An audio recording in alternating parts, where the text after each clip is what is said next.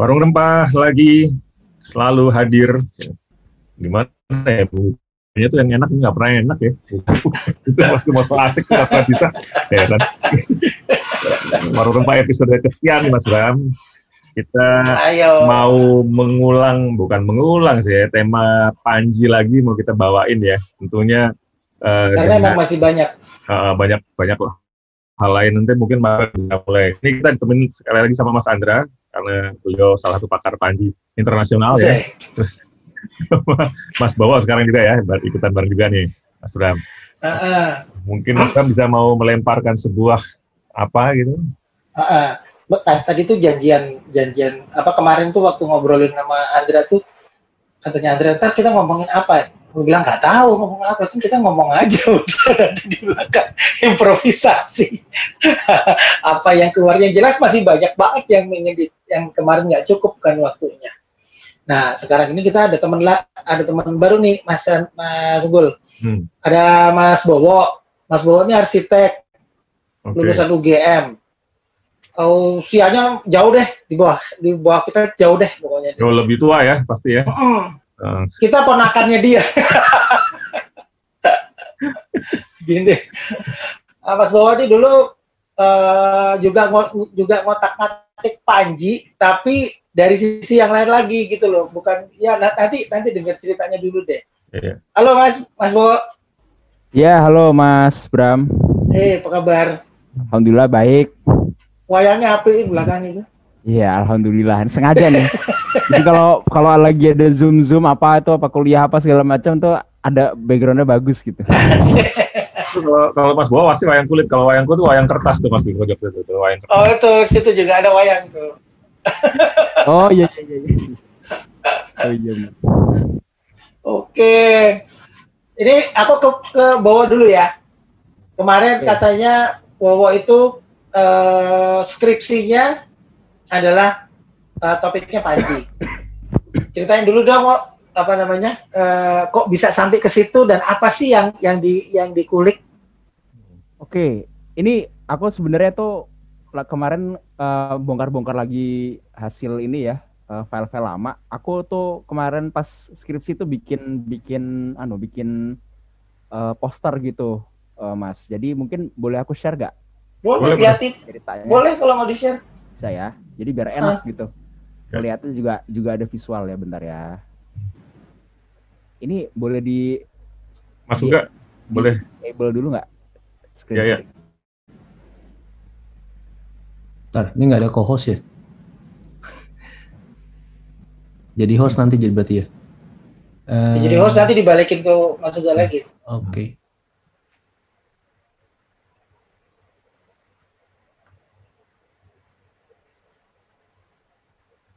Sip. Udah Ya, kelihatan kelihatan.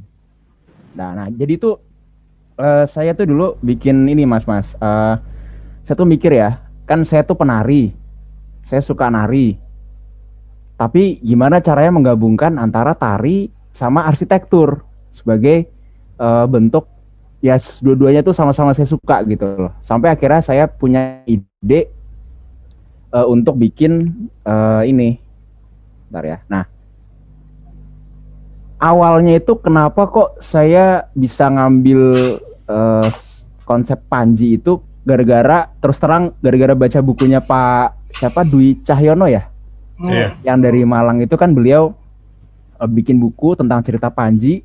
Nah, ketika saya baca itu, terus terang saya tuh jatuh cinta jadi sama eh, cerita Panji ya. Dalam artian bahwa oh ternyata kita tuh punya sebuah eh, cerita yang bisa sejajar atau seenggaknya se- sejajar lah dengan Ramayana dan Mahabharata dari India gitu.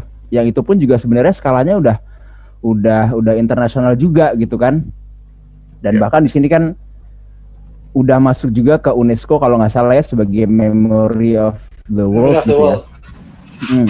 Nah, jadi dari situ akhirnya saya memutuskan untuk wah kalau gitu gimana caranya arsitektur itu bisa turut melestarikan budaya Panji ini. Itu pikiran dasarnya tuh dari situ. Melestarikan itu tadi ya.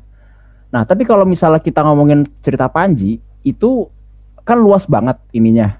apa namanya eh, budayanya kan banyak banget ya. Aku spesifikin lagi. Jadi ke topeng Malang khususnya. Kenapa? Karena pertama dia tuh lengkap ininya eh, apa produk sebagai produk budaya itu dia tuh lengkap ada seni tarinya, ada teaternya, ada musik, ada seni rupa dan sastranya kan juga ada kan dari jalan ceritanya segala macam.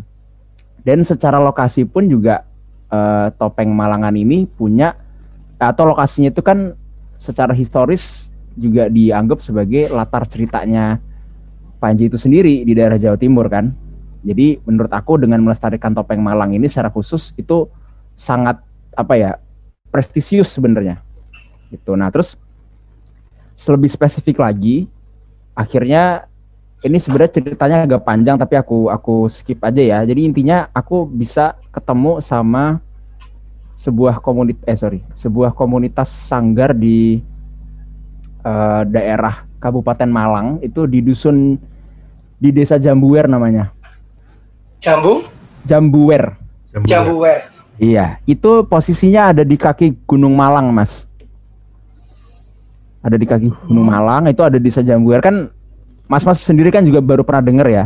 Tapi ternyata di sana itu ada satu sanggar nih namanya Sanggar Galuh Condro Kirono. Itu mereka itu maestronya masih ada. Ini yang di bawah sini nih ada namanya Mbah Barjo. Nah kalau mungkin mas-mas pernah dengar kalau topeng Malang itu yang terkenal mungkin Mas Andra juga eh, pasti tahu dulu ada almarhum Mbah Karimun namanya dari Kedung Monggo itu sanggarnya sanggar Panji Panji Asmor Bangun namanya nah Mbah Barjo ini itu teman seperguruannya Mbah Mun.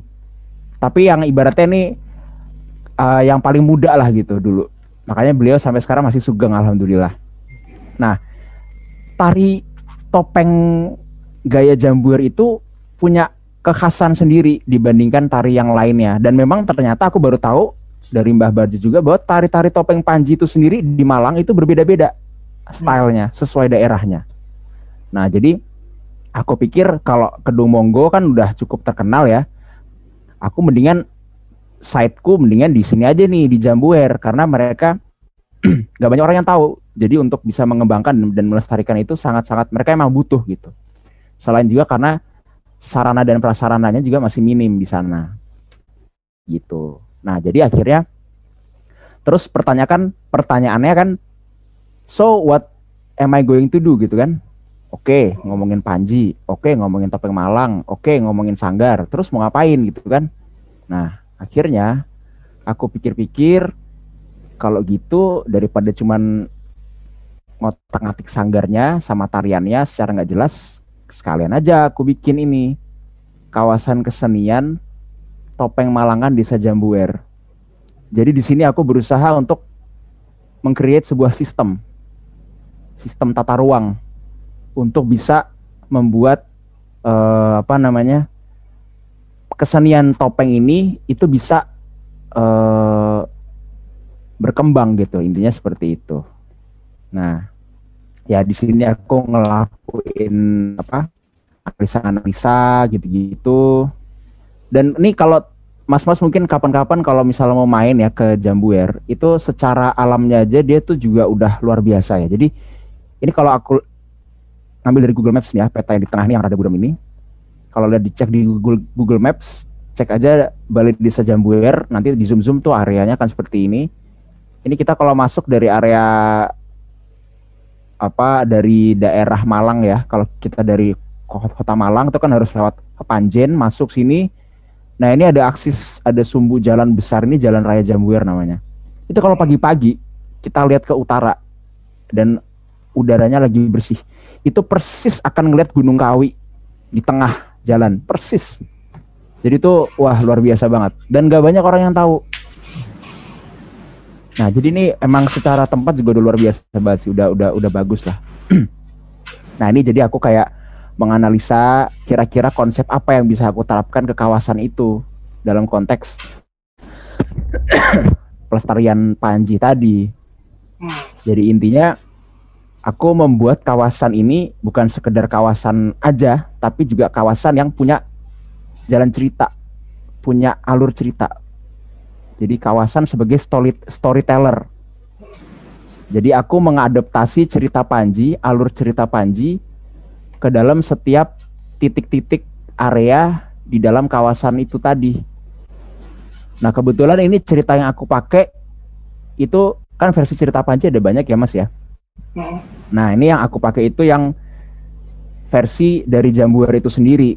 Jadi kalau nggak salah itu tentang Sayembara, Sayembara Skartaji.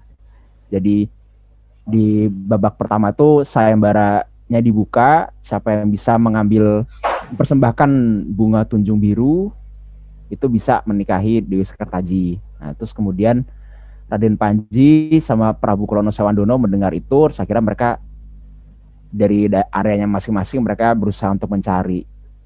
Sampai akhirnya Raden Panji sama Klono Prabu Klono Sawandono ketemu, tempur, eh, perang, akhirnya si Panji yang menang. Dan akhirnya Panji itu bisa sampai ke Kahyangan Asmoro.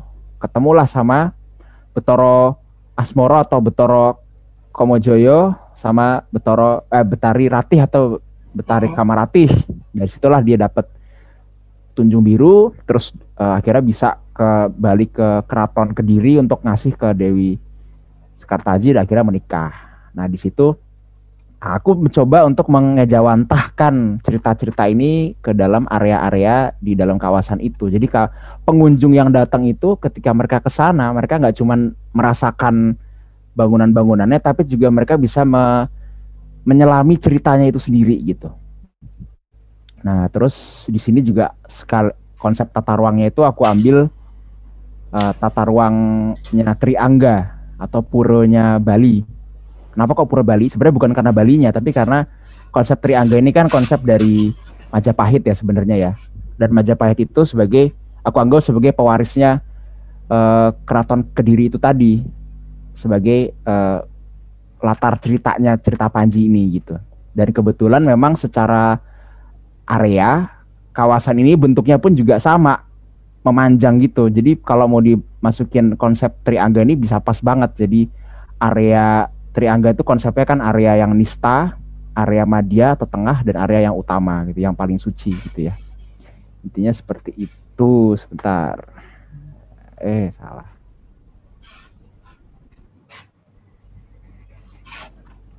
Ya, pokoknya intinya di situ aku eksplorasi eh nah ini nah ini yang tadi aku bilang nih, Mas. Jadi kalau kita masuk itu akan langsung kelihatan Gunung Kawinya. Terframe. Nah, di sini aku frame dengan dua area ini. Area pertama sebagai area yang melambangkan sayembaranya dibuka. Jadi di sini di sebelah kanan ini ada apa namanya gedung galeri topeng. Nah, sebelah kirinya ini ada warung makan. Ya memang existingnya di, di di sana itu ada warung makan di sini. Gitu ya. Ini tampak atasnya. Nah, ini denahnya. Nah, ini kelihatannya seperti ini. Jadi nanti di setiap di setiap bangunannya itu yang memang terdesain itu akan ada signage-nya ini. Nah, nah di signage-nya ini akan dijelaskan eh, bangunan ini tuh apa, kemudian juga cerita yang ingin disampaikan tuh apa sesuai yang pembabagan cerita tadi itu tadi. Hmm. Gitu. Nih terus Tapi sorry. Ya. Pak, eh, ceritanya di Jabugar itu cuma itu ya? Tentang Iya. apa tadi eh, kembang tunjung biru? Iya, yang yang yang yang mereka pakai buat pentas tuh biasanya itu, Mas. Hmm. Gitu. Ya, ini sih desain isinya lah ya. Jadi itu nanti di dalam ga- galerinya itu aku bikin nanti ada tempat area introduksi tentang menceritakan cerita Panji secara dasar tuh seperti apa. Kemudian ada area Panji dunia ini aku sebutnya. Jadi di sini nanti area di area sini tuh akan dijelaskan atau dikasih lihat semua eh, bentuk kebudayaan Panji di seluruh dunia dari mulai yang paling terkenal itu kan ya di Asia Tenggara lah ya Kamboja, Thailand, Malaysia segala macam. Ada area topengnya sama ada area kostum gitu-gitu. Terus kita jalan lagi. Ini skip. Skip aja. Nah, jadi setelah dari yang tadi tempat di bawah itu, ya galeri topeng itu, kalau pe- pengunjung nanti masuk terus, itu nanti mereka akan sampai ke area menuju area utama itu ada gapura eh, apa namanya? Ada dua beringin seperti ini yang melambangkan gapura paduraksa. Itu kan kalau di dalam Pura Bali itu kan paduraksa itu kan melambangkan pintu masuk ke area yang utama gitu. Nah, di area utama inilah nanti terdapat adanya sanggar, adanya balai desa Jambuirnya itu sendiri, ada masjid Masjid Agung apa Masjid Desa, kemudian ada nah di sini ada aku juga desain sebagai uh, candi dalam tanda kutip sebagai candi utamanya dari area itu, sebagai focal pointnya tuh di sini. Jadi nanti pertunjukan-pertunjukan apa segala macam yang besar-besar tuh di sini. Sekaligus juga ini kan latarnya Gunung Kawi itu tadi. Nah, ini jadi posisi apa yang tadi oh, kalau dari bawah nih ya, kita datang dari bawah, di sini candi utama. Nah, candi utama ini juga termasuk perlambang di mana si Panji itu udah ketemu sama Komojoyo Homorati. Baru terus dapat ininya Sekar Tujuh Biru. Nah, gongnya justru ada di Sanggar Geluh Chandra Kirana ini di mana di situ melambangkan si Panji ketemu sama Dewi Sekartaji pada akhirnya. Nah ini ah ini dia. Jadi ini ini area Sanggar sekarang ini nih existingnya ini adalah area rumahnya Simbah Barjo. Oh, Okay. Gitu. Jadi ini di sini ada aku desain di sini ada perpustakaannya, ada warungnya, di sini ada gedung untuk latihan tarinya, di sini ada untuk apa uh, lat, uh, gamelan outdoor, di sini ada pelatarannya gitu. Nah ini desainnya, ini denahnya, bla bla bla. Nah ini interiornya seperti ini untuk yang gedung tarinya. Ini juga kenapa kok kok gambar ada tari topeng tapi belakangnya kok orang pada kayak ngeband gitu sebenarnya ini ada yang ingin aku sampaikan juga bahwa ya kesenian ini mau nggak mau juga perlu beradaptasi lah gitu dengan dengan dengan dengan dengan kreativitas zaman lah gitu. Ya, pada intinya ini ini ini udah slide yang terakhir, poster terakhir ya. Pada intinya uh, yang aku ingin sampaikan dari skripsiku ini adalah kalau kita mau melestarikan uh, suatu bentuk tradisi gitu ya dari uh, apa pun itu itu perlu didesain sebuah sistem gitu. Kita nggak cukup hanya melihat tari sebagai tarinya saja atau misalnya kita melihat sanggar sebagai hanya sekedar bangunan saja itu nggak bisa. Tapi kita juga harus me mendesain sistemnya. Jadi di sini nih aku sampai ngasih usulan konsep acara festival topeng jambuer. Jadi dari mulai awal persiapan Hamin satu hari H-nya bakal ada acara apa aja di hari kedua ada seminar segala macam sampai hari ketiga penutupan sampai aku bikinin skemanya nih skema apa acaranya nanti bakal kayak gimana dilakuinnya di venue apa aja itu sampai aku bikin kayak kayak gitu jadi ya aku harap ini bisa menjadi perspektif baru dalam kita melihat uh, uh, apa namanya pelestarian dari budaya Panji beserta turunan-turunannya dalam hal ini uh, topeng Malang gitu ya dari segi kalau ini dari segi arsitektur gitu. Mungkin itu aja Mas Bram. Oke, okay, thank you. Mas boleh di hostnya dibalikin ke Mas Uga lagi. Oke, okay, sebentar. Oke, okay. uh, aku tadi juga cukup ada satu hal yang cukup menarik ya. Aku pengen dapat komentarnya Mas Andra. Itu pre, itu aku baru dengar loh terus terang uh, versi versi apa namanya versi kisah cintanya Ino Kertopati dan Sekartaji yang versi ini gitu loh ya, yang pakai yang pakai apa namanya pakai sayembara lagi ya. Sayembara terus di uh, diperebutkan oleh dua oleh si siapa? Oleh Panji dan Kelono gitu. Menarik banget. Mas Andra udah pernah dengar yang versi yang ini? Uh, kalau terkait dengan itu sebenarnya kalau kemudian saya menelusuri lagi apa yang dulu pernah saya tangkap dari Panji itu malah pertama malah dari cerita semacam itu Mas. Jadi Panji Anggreni ya terutama ya. Jadi ketika ketika yang apa namanya eh, Panji eh, Sekartaji itu yang kemudian apa Panji mencintai Anggreni di luar sana gitu Yang kemudian dia ke mana-mana gitu kan.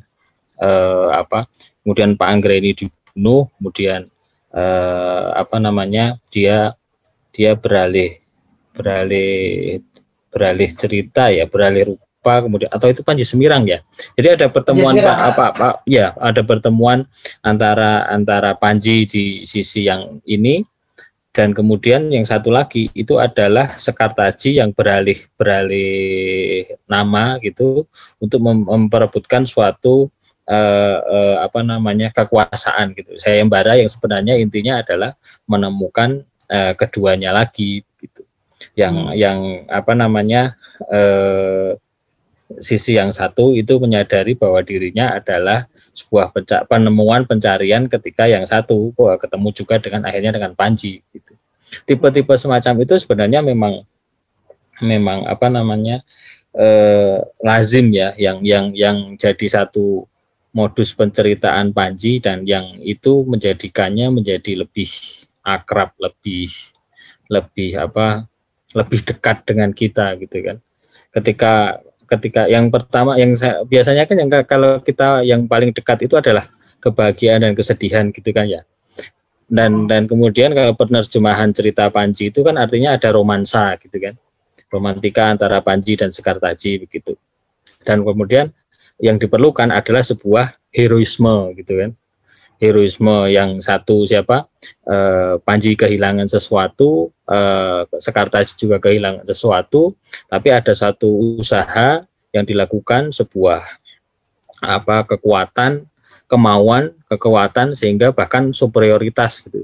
Sehingga pada satu sisi itu menimbulkan suatu heroisme yang baru terhadap orang-orang yang menangkapnya. Dan ada akhirnya adalah eh, apa rekonsiliasi. Itu kan eh, pola-pola yang sebenarnya bisa kita tunjuk dalam cerita Panji itu sih mas. Iya iya iya iya. Ya. Iya. Mas Dan Unggul, kalau boleh saya eh, apa Eh. eh, komen tadi tentang eh, Mas Bowo tadi itu menarik. Saya eh, memang betul ya. Saya waktu itu saya sempat eh, dalam rangka penulisan buku apa eh, mengajak kepada yang tersembunyi. Mas Bowo mungkin kalau pernah dengar waktu itu saya bersama Bentara Budaya Balai Sujatmoko pernah memang kita eh, konserva eh, apa eh, penelitian di Mas Mas Handoyo ya, Mas Handoyo ya Mas ya, Ma, di di Oh, iya. mana namanya Gedung Monggo. Eh, put, ya Dung Monggo. Dan memang Mas Handoyo bercerita tentang jadi eh, memang Malang itu semacam ada ada apa namanya empat arah mata angin gitu loh Mas Bram. Jadi yang utara itu eh, siapa saya lupa Tumpang ya atau atau ah, mungkin saya salah Mas Bowo mungkin tahu Eh, Gedung Monggo itu di sebelah barat dan memang eh, kekhasannya maksud saya ada empat ciri kekhasanan kalau mau mau, mau ditunjuk pemetaan ekspresi Panji Malang itu dan salah satunya memang Jambuer Mas itu di sisi selatan yang kebetulan Hmm. memang saya eh, tidak sempat sana tapi itu juga disampaikan oleh Mas Handoyo. Jadi baik secara ekspresinya ekspresinya itu artinya juga bentuk topeng hiasan topeng ornamen topeng. Kemudian penceritaan tadi yang ditunjuk oleh Mas Mas Bowo tadi yang kemudian ditegaskan oleh Mas Bram. Dan sisi lainnya itu ada yang di sebelah utara dan di sebelah timur itu kayaknya yang di mana eh, kaki Bromo itu gitu-gitu. Jadi memang padepokan-padepokan itu yang kemudian sekarang menghidupi dengan cirinya sendiri, dengan eh, potensialitasnya sendiri dan pada saat yang sama dengan energinya sendiri, Mas.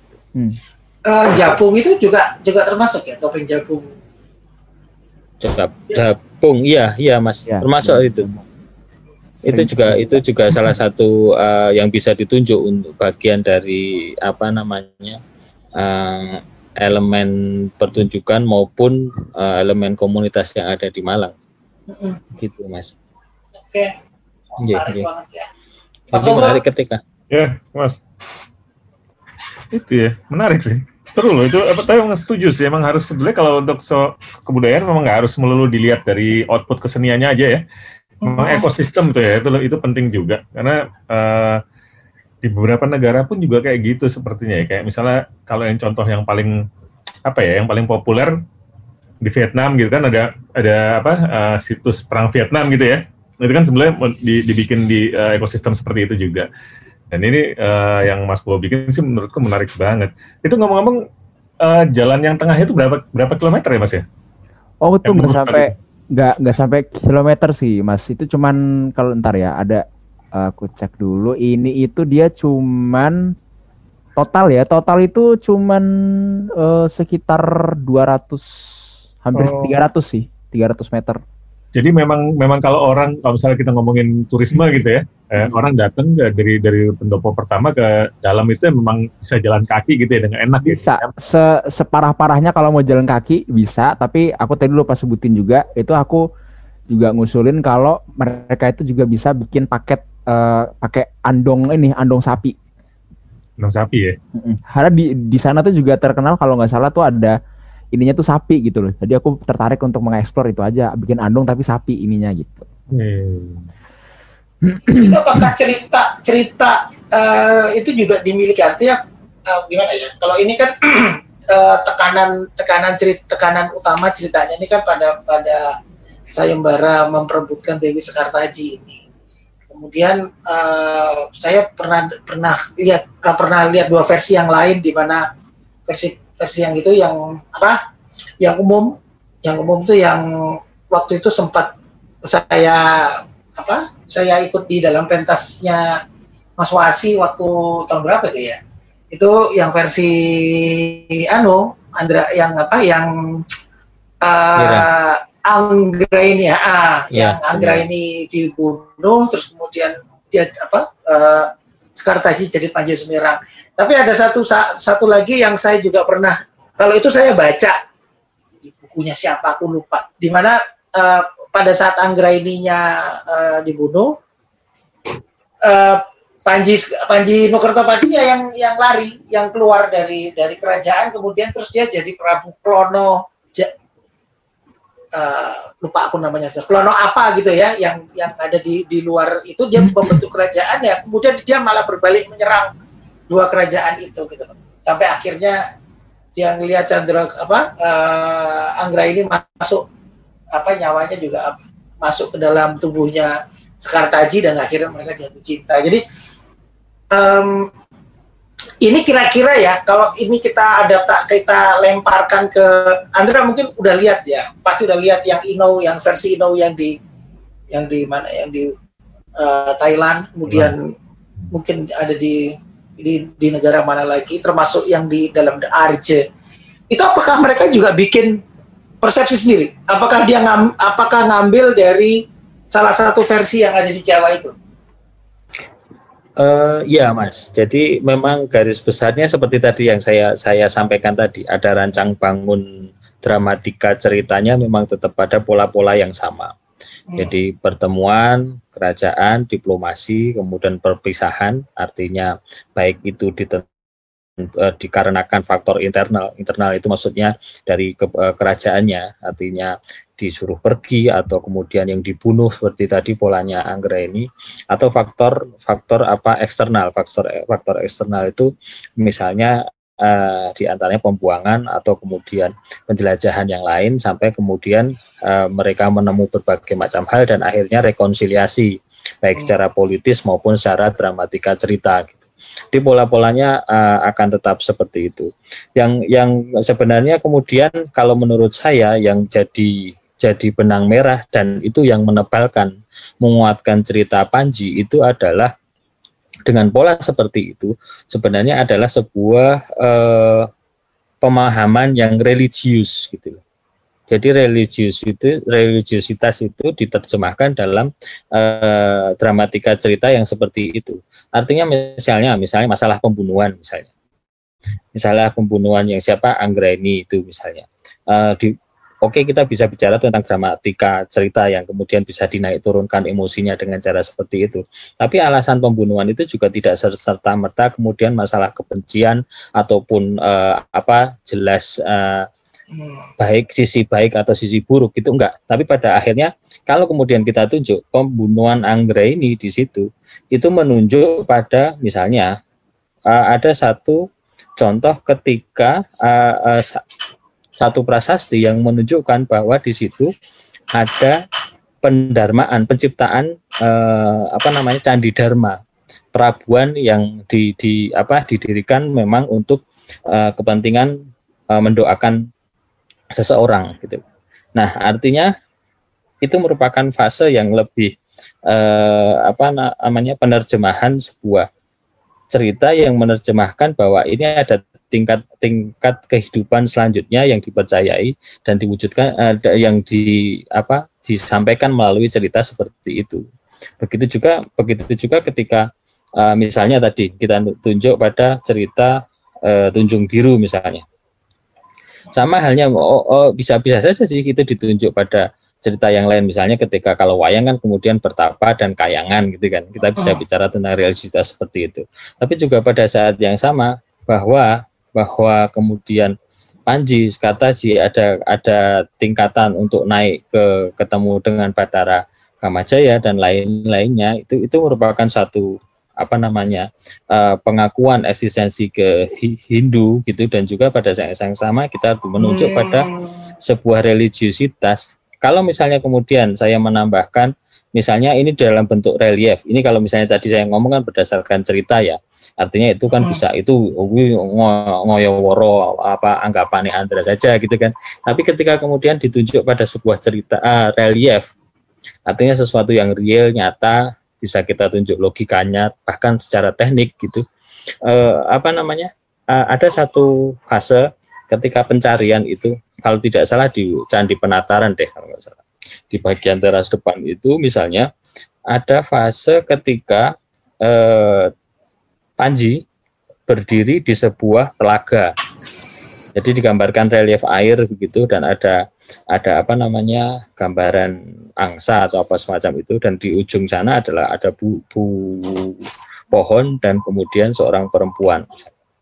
Atau kemudian di relief lain ketika Panji duduk dalam posisi memangku perempuan gitu ya eh, dan kemudian misalnya dia memegang alat musik dan pada saat yang sama yang menarik, yang menarik kita bisa tunjuk adalah gambaran kaki yang tercelup di air gitu. Nah, konsep air dalam hal ini baik itu dalam bentuk telaga tadi atau dalam apa posisi yang di atas uh, panji tercelup di dalamnya itu kakinya itu itu merupakan uh, kita bisa baca sebagai sebuah konsep penyucian begitu ketika kemudian uh, ada fase apa ada relief burung misalnya itu. Kalau gambaran sekarang mungkin secara sinematik itu ya kita bayangkan misalnya uh, seorang apa adegan mati kemudian uh, kamera zoom out gitu kan ke atas gitu seakan nyawa terbang itu. Gambaran-gambaran logika yang kekinian semacam itu. Dan pada saat sama ketika Panji berada kaki Panji berada di tercelup di sebuah air yang semacam itu, itu artinya ya semacam uh, apa namanya ada laku kesucian untuk menuju pada sebuah uh, rasa uh, entitas rasa tinggi ketika kedua orang bertemu dalam sebuah uh, emosi cinta yang itu universal bukan lagi sebuah uh, passion atau bahkan lust atau apa pun gitu mas begitu oh, oh oke okay. menarik banget ya iya. perkembangan pengembangannya bisa ke sana-sana ya yeah. Terus kalau jadi kepikiran juga ya, kalau misalnya dari cerita-ceritanya Panji ini terkait ke proyeknya Mas Bowo ya. Kalau dari desain arsitekturnya sendiri ya Mas, apakah memang ada di kisah-kisah itu uh, dijelaskan ya kayak misalnya mungkin mungkin ada kisahnya gitu uh, si Panji datang ke sebuah apa lokasi yang terdapat tiga pilar atau segala macam yang yang menyebutkan ciri-ciri arsitektur atau ada nggak sih sebetulnya kalau dari ceritanya?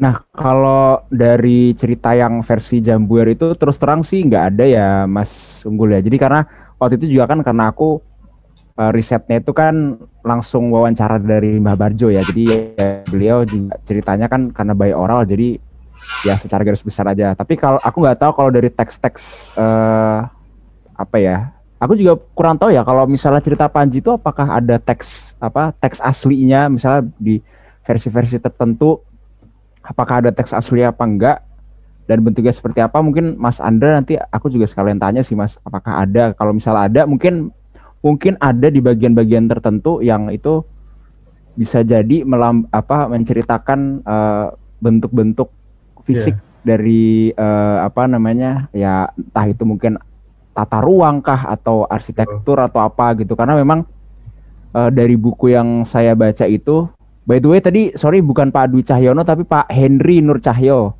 Ini bukunya yang mengenal budaya Panji. Itu di situ disebutkan memang cerita Panji itu bisa menjadi sumber-sumber inspirasi dari banyak bidang gitu karena dia ada ngomongin macam-macam gitu.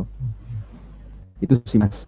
Oh gitu. tapi sejauh ini sih belum belum belum ada eh apa namanya belum aku aku aku belum nemuin sumber yang kalau kayak misalnya di serat centini Mm. Serat centini itu ada beberapa bagian yang itu menjelaskan tentang arsitektur masyarakat Jawa pada Iya. waktu itu nah Betul. kalau di Panji ini aku belum nemu Berarti kalau yang kalian di Project Mas Bowo itu eh, dari segi arsitekturnya eh, Mas secara desain Mas Bowo banyak banyak pakai eh, style apa tuh Mas kalau Nah, kalau kita ngomongin fisik ya, karena kalau arsitektur kan nggak cuma sekedar tampilan fisik. Ya, Nah, tapi kalau kita ngomongin fisik itu terus terang aku mengambil eh, gaya arsitektur candinya.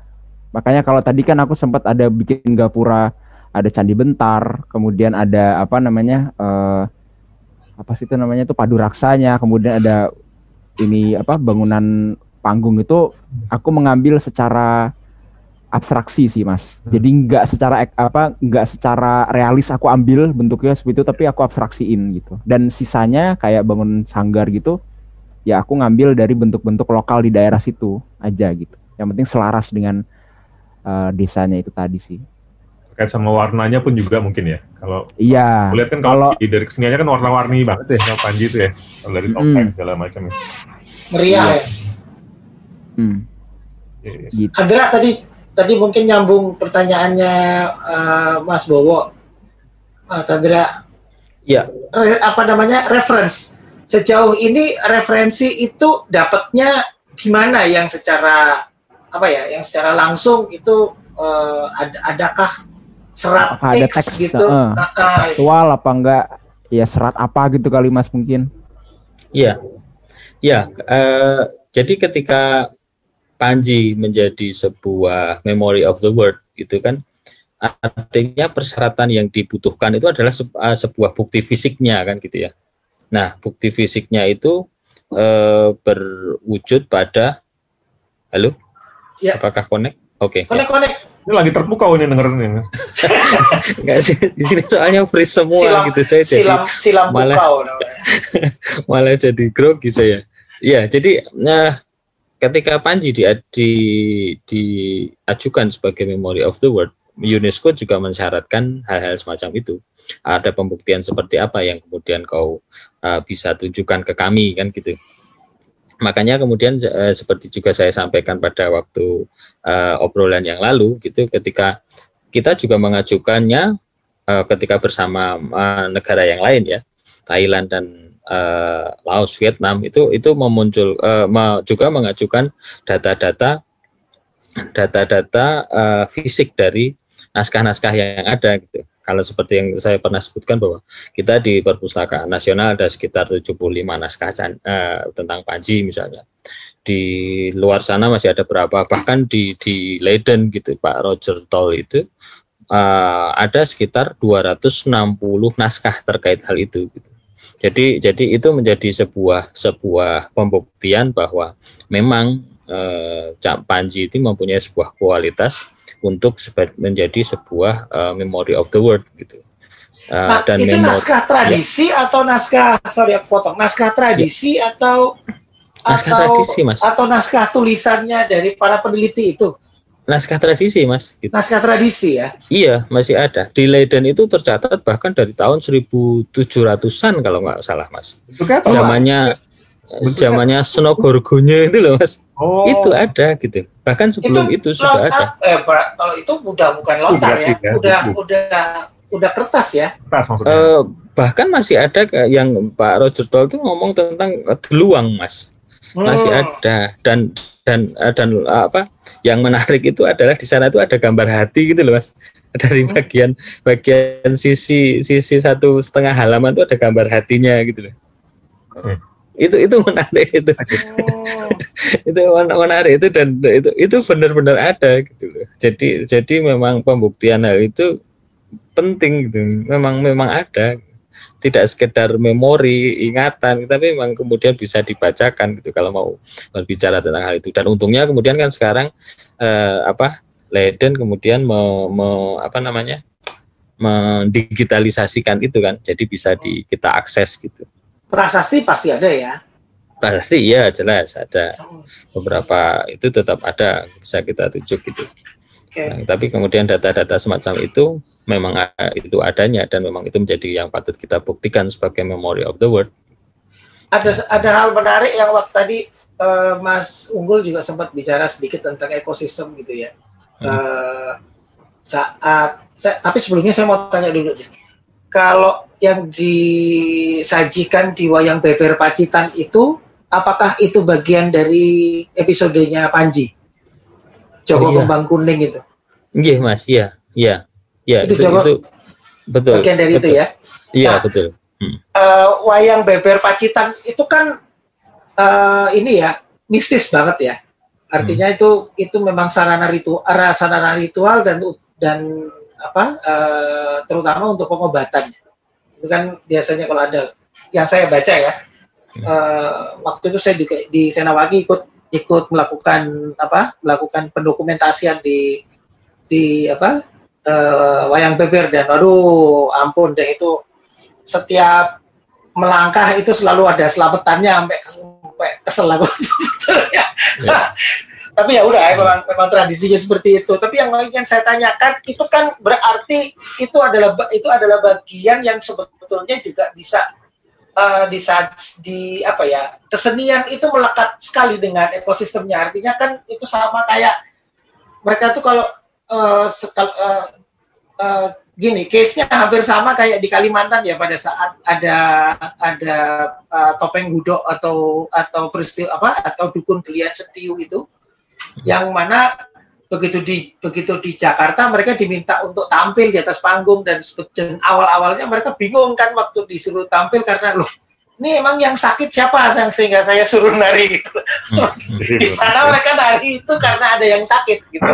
Iya. Nah, eh, ini kan partisipatori ya sifatnya ya keseniannya ya. Artinya kalau ada masyarakat, ya ada masyarakat yang membutuhkan, masyarakat apa namanya, eh, masyarakat memang memerlukan kesenian itu baru dia bisa bisa disajikan. Nanti dia tidak bukan semata macam sebuah tontonan estetik yang nonton seneng. Kalau kalau versi yang lebih kapitalistik kayak wayang orang gitu bayar gitu gitu kan. Nah, eh, di di di eh, apakah hal yang seperti ini tuh juga terjadi di di mana namanya eh Jabung gitu misalnya atau di tempatnya Mbah Karimun gitu apakah wayangnya ini juga apa ya wayang apa pertunjukannya ini apakah juga terkait dengan suasana atau kebutuhan-kebutuhan ekosistemnya itu Eh, Iya.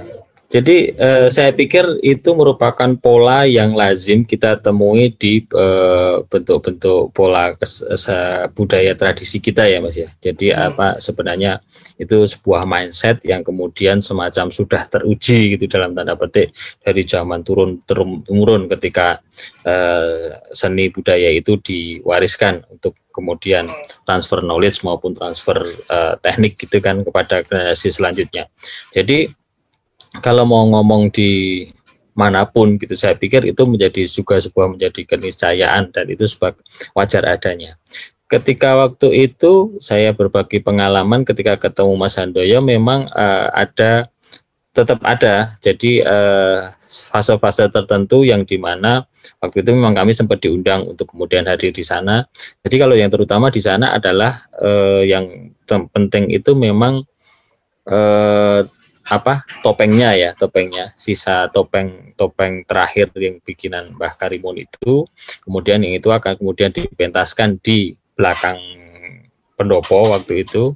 Yang itu merupakan eh, eh, apa eh, tempat sakral gitu kan yang disakralkan waktu itu termasuk juga beberapa tema cerita yang memang saya lupa tapi artinya memang eh, hal semacam itu maksud saya mau ngomong ke bahwa pola-pola semacam itu memang memang akan terus dibentukkan, dikuatkan dan terus diberlangsungkan oleh mereka sendiri.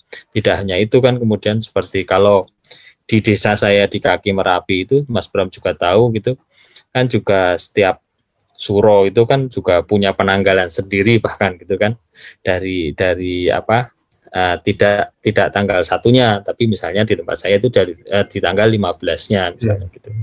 Tanggal 15-nya itu pun juga tidak sehari tapi artinya ada uh, rangkaian yang kemudian itu juga berhitungan dengan angka misalnya gitu. Dan kemudian ketika fase uh, tema utama pentas utama di tempat saya itu ada uh, apa namanya uh, cerita khusus yang itu memang tidak akan pernah bisa dirubah diganti dengan dengan apa namanya dengan berbagai alasan apa pun gitu. Jadi pola-pola semacam itu memang pewarisan yang saya pikir menciptakan kita bisa me- me- melihatnya seperti halnya ketika kita memandang bahwa eh, kenapa eh, kita punya konsep wingit terhadap pohon atau eh, apa namanya sendang tertentu gitu misalnya. Hmm. Kalau dalam logika kita kan sebenarnya itu kita bisa bicara tentang konservasi alam kan gitu ya. Jangan mendekat-dekat ke sana, jangan sampai nebang bahkan atau me- memetik apa pun karena itu engko ketemu karo danyanging, di primpeni dan lain-lain gitu kan. Hmm. Tapi bahwa konsep logika yang sekarang itu kan misalnya kita tidak berada di sana, tidak mengapa-ngapain tempat eh, pohon sebesar itu dan sendang di situ, maka akan tetap terjadi sebuah konservasi alam dan di mana eh, semuanya akan tetap seimbang. Eh, mata air tetap ada, kita nggak kekurangan dan lain-lain gitu loh. Jadi memang logika-logika itu artinya bahwa bukan lagi masalah wingit atau enggak, eh, masalah apa namanya bisa dilabrak atau kemudian ini bisa bisa ditolerir, tapi eh, rangkaian logika yang penerjemahannya memang eh, sesuai dengan zamannya dan itu itulah yang yang sebenarnya memang eh, ada dan kita butuhkan. Begitu sih saya memandangnya, Mas. Hmm, hmm, hmm. Hmm. Oke. Mas Unggul ada yang mau diomongin tuh kayaknya. Ada, ada. Tapi apa ya tadi ya? Banyak banget. Gak, soalnya aku kalau ngomong sama Mas Andra tuh inget, inget obrolan yang eh, episode waktu itu, yang apa Panji pertama kita. Ya. Ini sebetulnya budaya tanding apa budaya, budaya banding ya? Itu sih masih masih Budaya banding dulu untuk kemudian dijadikan budaya tanding, Mas. Gitu. gitu ya. Budaya Iya. ya, ya, iya, iya betul memang ketika eh, pada satu sisi itu saya memang terkagum-kagum ketika bagaimana sebuah cerita seperti itu bisa hadir di masyarakatnya dalam berbagai bentuk, dalam berbagai interpretasi yang kemudian sebenarnya bersumber pada satu hal yang sama cerita tentang Panji Sekartasi dan itu ternyata kemudian tidak hanya sebuah imaji, sebuah apa bayangan, sebuah kreativitas eh, dari se- pelakunya, tapi ternyata juga bisa dibuktikan secara real, baik itu lewat prasasti, lewat apa serat-serat, kemudian lewat relief dan berbagai peristiwa sejarah yang bisa ditunjuk sebagai dasar eh, logika pencatatan mengenai kisah itu gitu. Kalau dibandingkan misalnya kita dengan Ramayana Bara- eh, dan ma, apa Mahabharata begitu kan eh, nggak tahu sepa- sepanjang pengetahuan saya itu kan hanya berdasarkan pada sebuah serat tulisan gitu kan. Tadi tapi eh, tidak ada apa namanya sebuah bukti-bukti sejarah atau hal yang lain mungkin yang bisa ditunjuk. Atau setidaknya tidak sekaya dengan apa yang bisa dibuktikan oleh cerita Panji begitu kan dan itu eh, seceri- cerita sebesar Mahabharata, Bharata Yuda dan Ramayana itu sudah memukau kita mendunia sebegitunya. Kekuatan imaji yo, eh, artinya itu yang kemudian saya bisa tunjuk dia menguatkan dia bisa sampai ke eh, diri kita sampai sekarang ini. Tapi kalau kemudian eh, kita menanyakan eh, pembuktian semacam apa gitu, itu itu bisa ditunjuk di cerita Panji gitu di mana-mana di Bu Lydia Kiven menunjuk ada sekitar 20 lebih eh, percandian di Jawa Timur untuk menunjuk pada sebuah cerita yang menunjuk pada cerita Panji.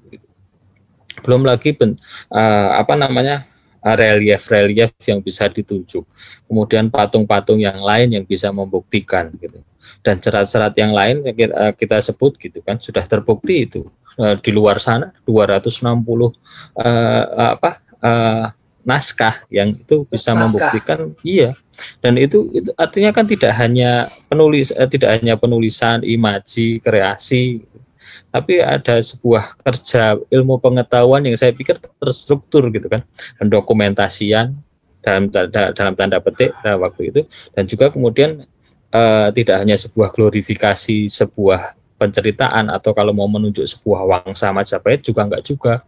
Karena di luar itu ada sebuah hal yang lebih besar terkait dengan uh, uh, religiusitas. Dan religiusitas itu saya pikir kan itu jadi suatu hal yang memayungi semuanya kan. Baik itu uh, kisah cinta ke kebahagiaan kesedihan cerita apa pun itu kalau kemudian sampai pada religiusitas itu kan artinya sudah mencapai puncak tertinggi tentang seluruh konsep. Dan Panji itu merangkum itu semua gitu. Yang itu jadi ketika awal bisa dibuktikan itu sudah bisa menjadi menjadi budaya banding. Yeah. Dan kalau kemudian bisa kita terangkan seperti ini, tidakkah kita bayangkan Panji sebagai sebuah budaya tanding atas kebesaran nama Mahabharata, Bharatayuda dan Ramayana. Begitu. Kalau 206 kalau ada 260-an sumber ya teks gitu ya yang menceritakan yeah. yang di mana teks itu adalah sumber cerita gitu ya, cerita dari hmm. episode-episode Panji dengan ratusan berarti ada sekitar segituan juga ya apa versi yang ada di, di itu, itu semua di Leiden di Leiden itu, itu ya apa kita artinya di, di, di Leiden itu dalam bentuk dalam bentuk apa uh, kopi apa naskah aslinya yang mereka bawa di sana? Naskah asli 200 mas. asli ya? Ji, naskah asli. Di perpustakaan nasional iya perpustakaan nasional 76 di Malaysia kalau tidak salah saya baca seratusan atau berapa gitu loh.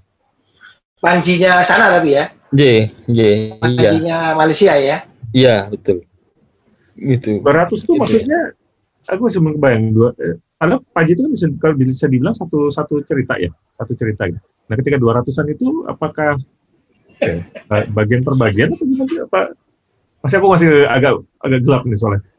Uh, ya, sepanjang pengetahuan saya itu memang ada satu satu naskah yang panjang gitu kan ya Mas ya. Dan kemudian uh, uh, uh, dan itu memang kan terbagi dalam berbagai episode yang kemudian di, memang dimunculkan di berbagai bentuk eh, yang kita kenal sekarang gitu Mas. Hmm. Jadi kalau kalau saya baik kalau aku bayangkan gitu ya Mas Gul ya. Uh, ada satu cerita panjangnya nih, Pain Panji ini. Ada satu cerita panjangnya Panji.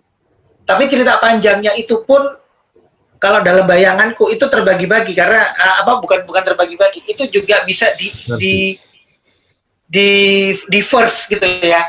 Cerita panjang versi mana gitu ya versi versi hmm. yang tadi itu yang Anggraininya uh-huh. dibunuh kemudian apa Panjinya keluar atau yang dibunuh kemudian Sekar Tajinya yang jadi Panji Semirang itu kan semua cerita yang panjang gitu cerita cerita Indo babonnya sendiri aja udah banyak gitu loh. Padahal di dalam satu babon itu terdiri dari terdiri dari episode-episode yang sangat panjang.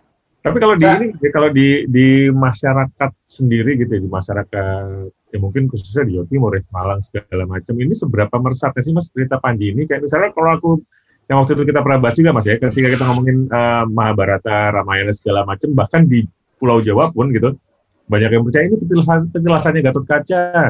Ini hmm. apa eh, rumahnya Prabu Baladewa segala macam bahkan uh, itu kan sama sangat meresap banget ya ke, ke masyarakat gitu ya. Uh, entah benar entah enggak ya.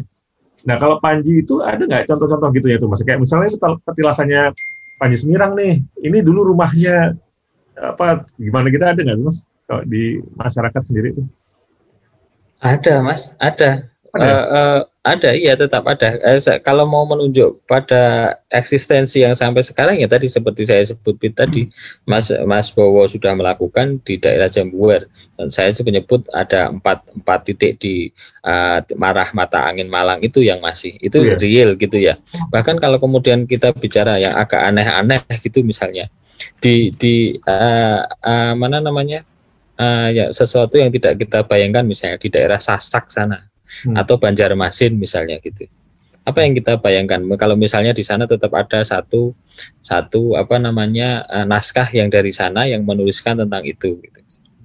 Itu naskah ya, apalagi kemudian uh, bangunan uh, bangunan bangunan imaji yang lain artinya petilasan siapa, petilasan siapa gitu ya. Sama ya? halnya ke iya dan hmm. sama halnya ketika saya mendapatkan cerita bahwa di Buton sana gitu uh, Pangeran Diponegoro kerisnya ada di sana gitu Padahal meskipun di sana sebenarnya di Kaledupa kan gitu mereka punya eh, eh apa?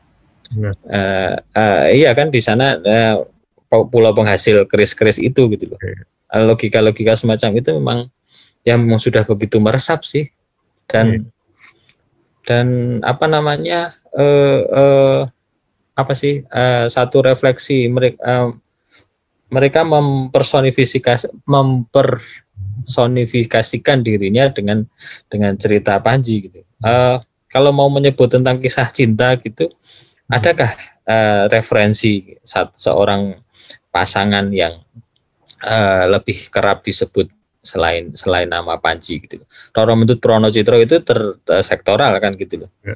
Nah, itu di daerah Jawa saja gitu loh atau si- siapa sih yang lain misalnya gitu. Tapi kalau kemudian Panji Sekartaji gitu saya pikir itu menjadi lebih universal hampir sama levelnya ya kali ya kali sama uh, Romeo and Juliet gitu pada saat yang sama sama. Sinta gitu ya.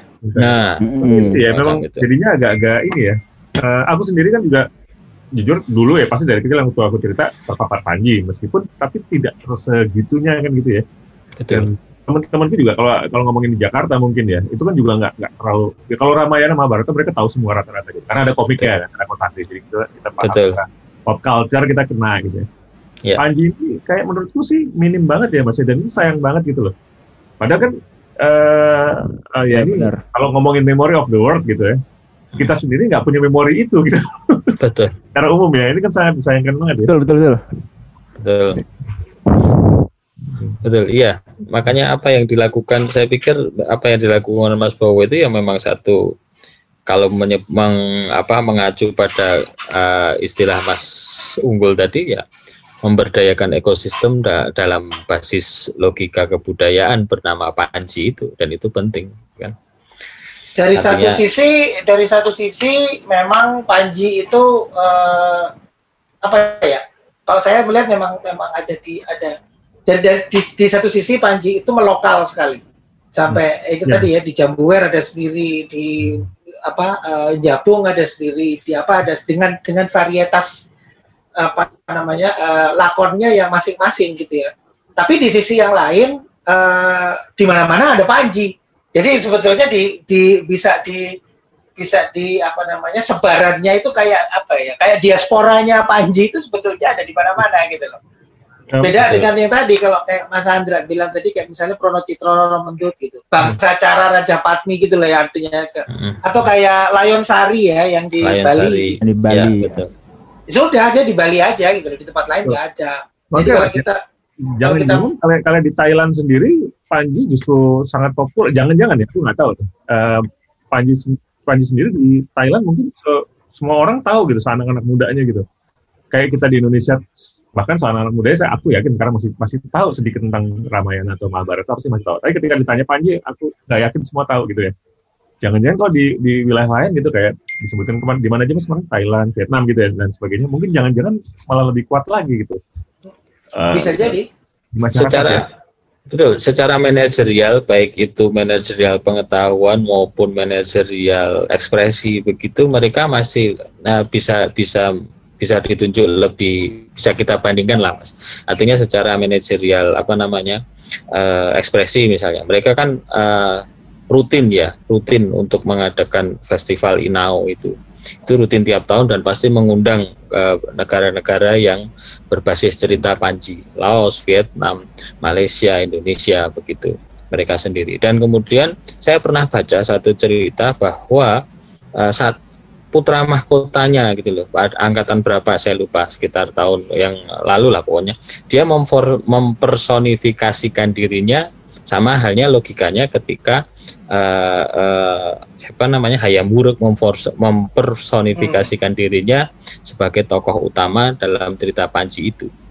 Eh, put- eh, apa putra mahkota itu menciptakan naskahnya tentang cerita itu sendiri dan pada saat yang sama dia ya mem- mem- memanajerialkan eh, Panji itu sebagai sebuah eh, pattern yang penting da- dari sebuah negara Thailand gitu mas Ya, kan itu yang itu yang artinya ya itu bangunan logika bangunan apa namanya eh, basis logika pengembangan maupun pemanfaatannya itu menarik gitu. Jadi kayak PR gitu, maksudnya kayak eh, di lain sisi kita berhasil eh, menjadikan Panji adalah Memory of the World oleh diakui oleh UNESCO ya. Itu kan Iya. suatu prestasi ya. Tapi Iya. di, di slide itu PR kita ternyata masih banyak sekali di dalam gitu loh.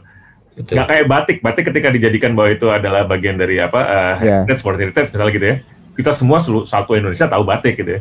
Nah Panji ini kan enggak ya. Jadi kayaknya PR-nya Mas Sandra sama Mas Bowo ini banyak banget ini. Setuju, setuju. Iya, kalau memang. kalau batik kan langsung bisa dipakai ya mas. Iya makanya. gitu. Sa- sebetulnya sebetulnya kalau kalau saya kalau saya ini agak agak out of topic sedikit sebetulnya saya kalau dibanding Panji gitu ya atau dibanding wayang gitu saya lebih cemas dengan keris gitu loh Hmm. karena keris itu nggak bisa dipakai tiap hari kan aneh kita ke mall bawa keris gitu Jadi, Sama ya, metal detector udah kebaca Mas. kalau aja gitu. makanya agak agak agak agak kalau keris agak- pasarnya agak sempit ya. Ah, Iya. ah, betul. Kalau Panji, saya pikir um, gini, saya pernah pu- saya tuh dulu pernah punya pernah punya gagasan di Senawangi itu membawa mer- merubah merubah perspektifnya wayang gitu ya. Artinya kalau wayang itu uh, masih kita masih beri, masih uh, ribut aja dengan apa namanya standarisasi atau pakem.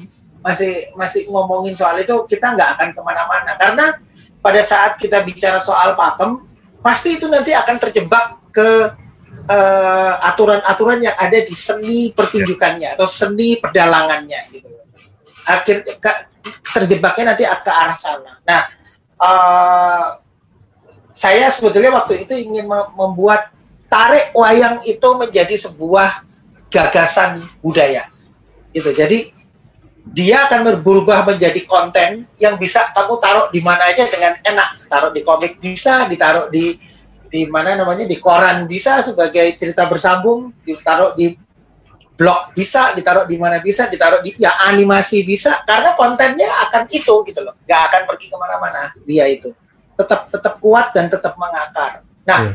Panji itu sangat punya potensi seperti ini dan Panji itu kok kalau saya lihat punya keleluasaan.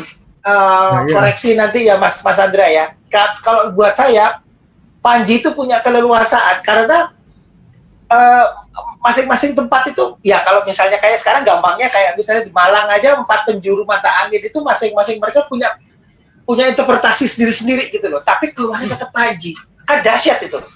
Kalau wayang Nah itu, itu, mas, dalangnya udah teriak itu oh, salah itu nah itu mas makanya kalau kalau aku ini makanya correct me if I'm wrong juga ya. Kalau misalnya eh, ketika kita ngomongin wayang, ten- tentu relate-nya sama naskah-naskahnya tadi Maha, apa, Mahabharata Ramayana gitu kan mas ya tentunya. Sedangkan kita kan nggak bisa mengklaim itu kan.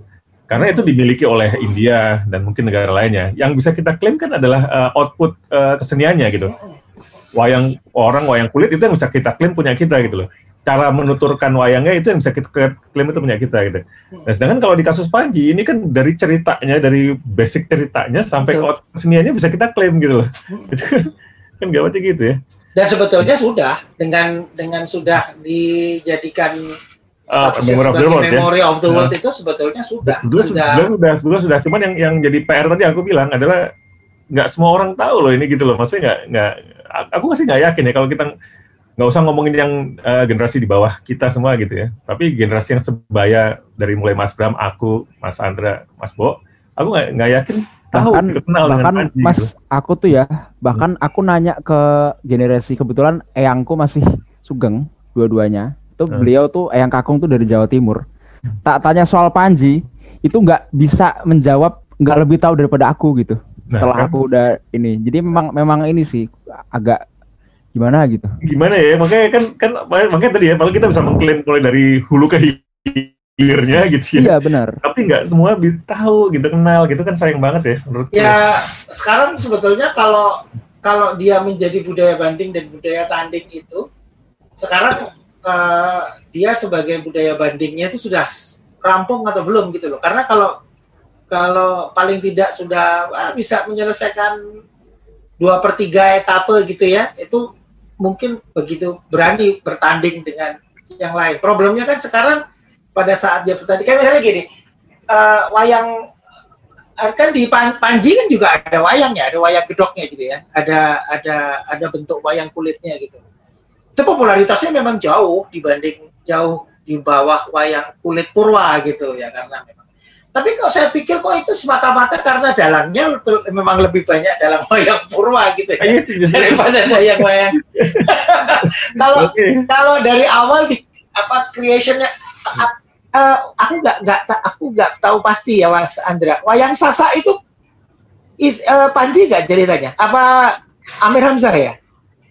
Eh, ada bagian Panji, Mas, karena Ada yang- perjalanan iya, karena perjalanannya itu uh, berkaitan dengan nanti berkaitannya memang sama wayang apa namanya?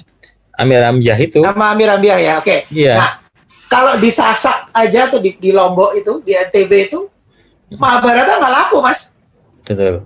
Oh gitu ya? Eh, nggak laku Mahabharata di sana wayangnya itu kontennya isinya Panji Iya. jadi jadi sebetulnya ya eh, Ada Ah, chance, udah, udah peluang ya. Ada tetap Karena ada Tapi dengar obrolannya Mas Andra, Mas Bowo segala macam, ceritanya tuh padahal eh, drama dramaturginya ada gitu-gitu ya. Maksudnya untuk untuk itu sebagai naskah entertainment itu punya memenuhi syarat gitu loh Mas. Betul. sangat sangat memenuhi syarat Harusnya bisa sangat populer gitu. berarti gitu. dan nggak dan nggak keberatan message kayak kayak Mahabharata. Kalau kalau buat Iya. saya ya, Nah, nggak betul. keberatan message. Mungkin kalau Mahabharata itu kan ada ada ada PR berikut, ada bukan PR ya, ada beban karena di daerah asalnya itu kan agama ya. Ya, ya. Kalau Panji kan enggak gitu, itu kan lebih lebih uh, it's, it's more entertaining gitu loh kalau buat buat saya gitu ya. Jadi bisa sebetulnya sangat sangat punya chance di di dipopulerkan gitu ya lebih. Itu makanya Mas Bram tuh PR juga Mas Bram tuh. Yayasan Negeri Rempah juga tuh PR tuh. yang yang Sama ngobrol yang ngobrolin kayak gini sih lebih banyak. Wah, udah jam berapa ini? sebelum sebelum ini udah di udah di ini apa Uga tadi udah diingetin mau sedikit lagi kelar tapi sebelumnya pengen nanya ke Mas Bawo juga nih Mas tadi kan aku sih cukup impress ya dengan presentasinya tadi ya buat skripsinya ya. Hmm, hmm. apa Temuan. sekarang udah udah ada upaya-upaya untuk itu di, diwujudkan nggak Mas jadi Nah. direalisasikan gitu Mas Iya, kebetulan sayang banget sih Mas sampai sekarang tuh belum ada yang ini ya. Karena dulu juga aku pas ke sini itu terus terang kenapa aku tadi belum jelasin kenapa bisa sampai ke Jambuir gitu ya. Karena awalnya sebagai orang yang awam itu aku taunya kan Kedung Monggo untuk apa sebagai uh, objek untuk dilestarikannya. Tapi terus kemudian ketika aku datang ke apa uh, di Sparbutnya Kota Malang, terus aku jelasin niatku mau ngapain, justru sama mereka diarahinlah ke Jambuir itu gitu loh. Jadi mungkin memang sudah jalannya seperti itu. Jadi ya apa namanya eh ya itu tadi kayak memang memang memang sudah di apa ya eh udah sempat bisa ketemu sama mereka. Cuman sayangnya ketika sudah jadi itu eh aku juga belum sempat ketemu banget sama eh, kepala desa di sana ya. Sempat ketemu cuman kayak belum sempat. Ini karena waktu eh, apa namanya waktu untuk diskusi juga nggak banyak dan terus karena udah sibuk juga waktu itu kelulusan sampai terus akhirnya kerja dan sekarang udah terlanjur pandemi jadi belum sempat belum sempat untuk ngurus itu lebih ini lagi sih. Tapi pengen banget supaya bisa sih Set- setidaknya untuk eh, diskusi dulu ke warga di sana karena kebetulan kalau aku masih berhubungan beberapa kali kan masih telepon-teleponan sama mereka gitu ya sama keluarga di sana bilang udah udah muncul eh, udah dibentuk pok darwisnya mas. Jadi kelompok sadar wisata di sana udah ada gitu itu mungkin apa ya se- aku sih berharap ya itu jadi, jadi terwujud gitu ya eh, gagasannya Mas Bowo tadi ya.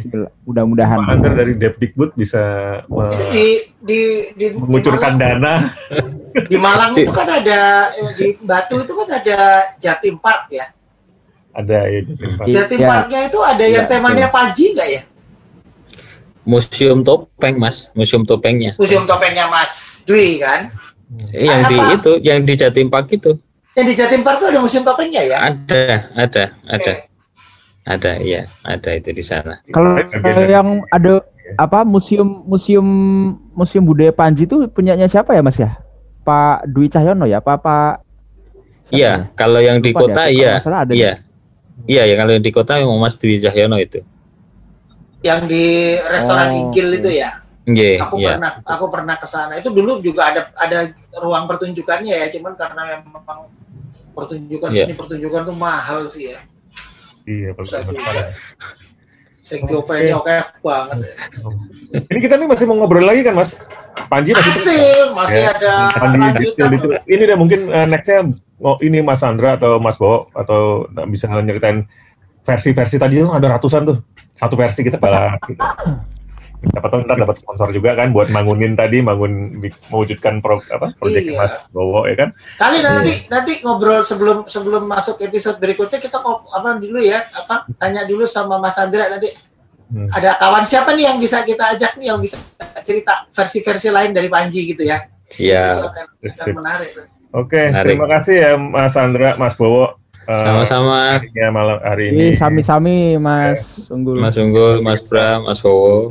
Ngobrol-ngobrol lagi. Ye, Mas Semuanya Terima kasih semuanya. Oke. Kita podcastnya undur diri. Kita ketemu minggu depan lagi ya. depan jangan Ya. lupa subscribe dan tekan gong. Ting ting ting. Thank you. Oke, thank you. Oke, thank you.